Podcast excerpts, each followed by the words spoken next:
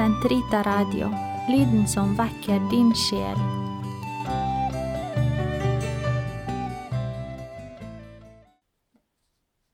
Den katolske kirkes katekisme, uke 33, tirsdag 583 591. Jesus og tempelet. Som profetene før ham ga Jesus uttrykk for den aller største ærbødighet for tempelet i Jerusalem. Han ble fremstilt der av Josef og Maria 40 dager etter fødselen. I tolvårsalderen bestemmer han seg for å bli i tempelet, for å minne foreldrene om at han må være der hans far er. Han gikk opp til det hvert år, i det minste til påske, under sitt skjulte liv, da han var trådt frem offentlig, ble hans virke regelmessig flettet sammen med pilegrimsferder til Jerusalem ved de store jødiske høytider. Jesus gikk opp til tempelet som til det sted hvor man på en særskilt måte kunne møte Gud.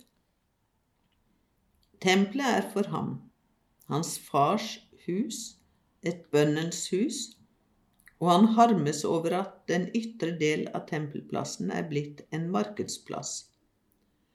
Når han jager kremmerne bort fra tempelet, er det av nidkjær kjærlighet til Faderen.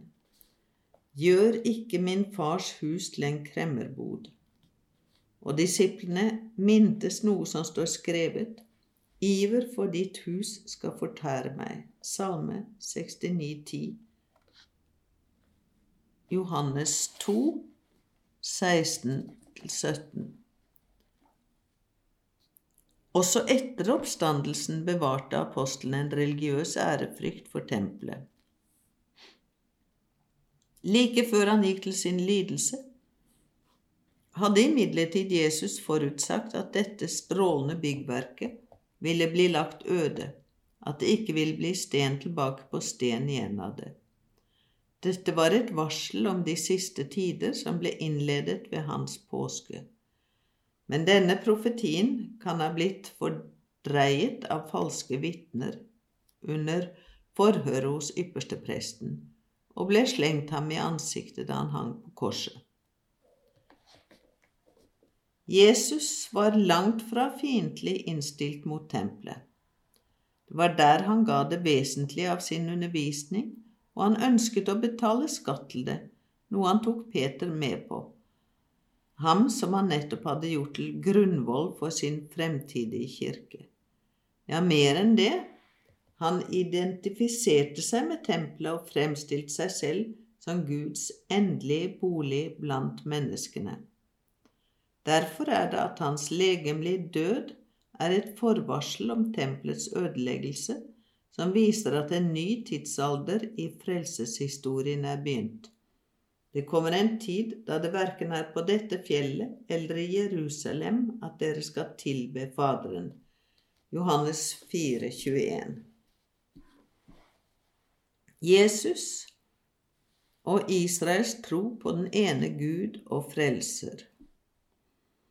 Om loven og tempelet i Jerusalem var årsak til at det sto strid om Jesus fra Israels religiøse myndigheters side, var det allikevel hans del i syndefrelsen, guddomsverket fremfor noen, som for dem var den virkelige anstøtsten. Jesus sjokkerte fariseerne ved å spise sammen med tolloppkrevere og syndere, like så fortrolig som med dem. Mot dem som stolte på at de selv var rettferdige og så ned på andre, Lukas 18,9, sa Jesus, det er ikke de rettferdige jeg er kommet for, men for å kalle synderne til omvendelse, Lukas 5, 32.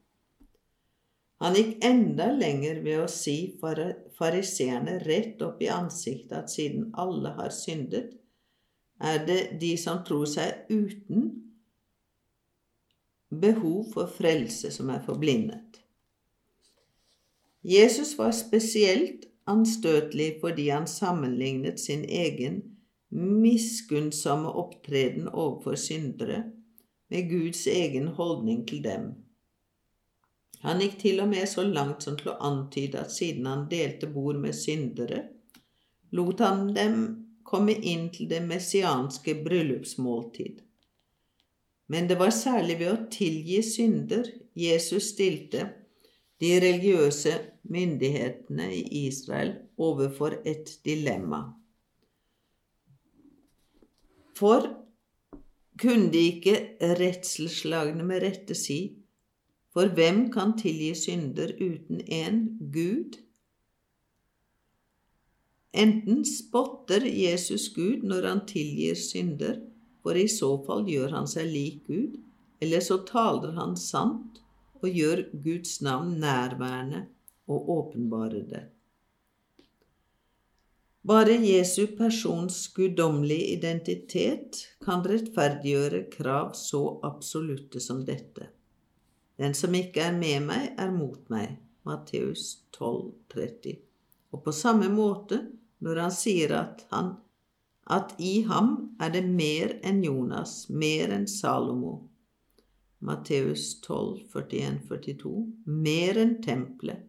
Matteus 12, 6 eller når han minner om at David kaller Messias, det vil si ham selv, sin herre, og igjen når han sier Jeg er før Abraham, Abraham var, Johannes 8, 58, og Faderen og jeg er ett, Johannes 10, 30. Jesus forlangte av de religiøse myndigheter i Jerusalem at de skulle tro ham fordi han gjorde Faderens verk, men denne trosakten forutsatte å dø fra seg selv for å kunne fødes ovenfra, Johannes 3,7, draget av Guds nåde. Et slikt krav om omvendelse, sammenholdt med så overraskende en oppfyllelse av løftene, gjør det mulig å forstå hvordan Sanhedrin kunne begå det tragiske misgrep å anse at Jesus var skyldig til å dø som Guds bespotter.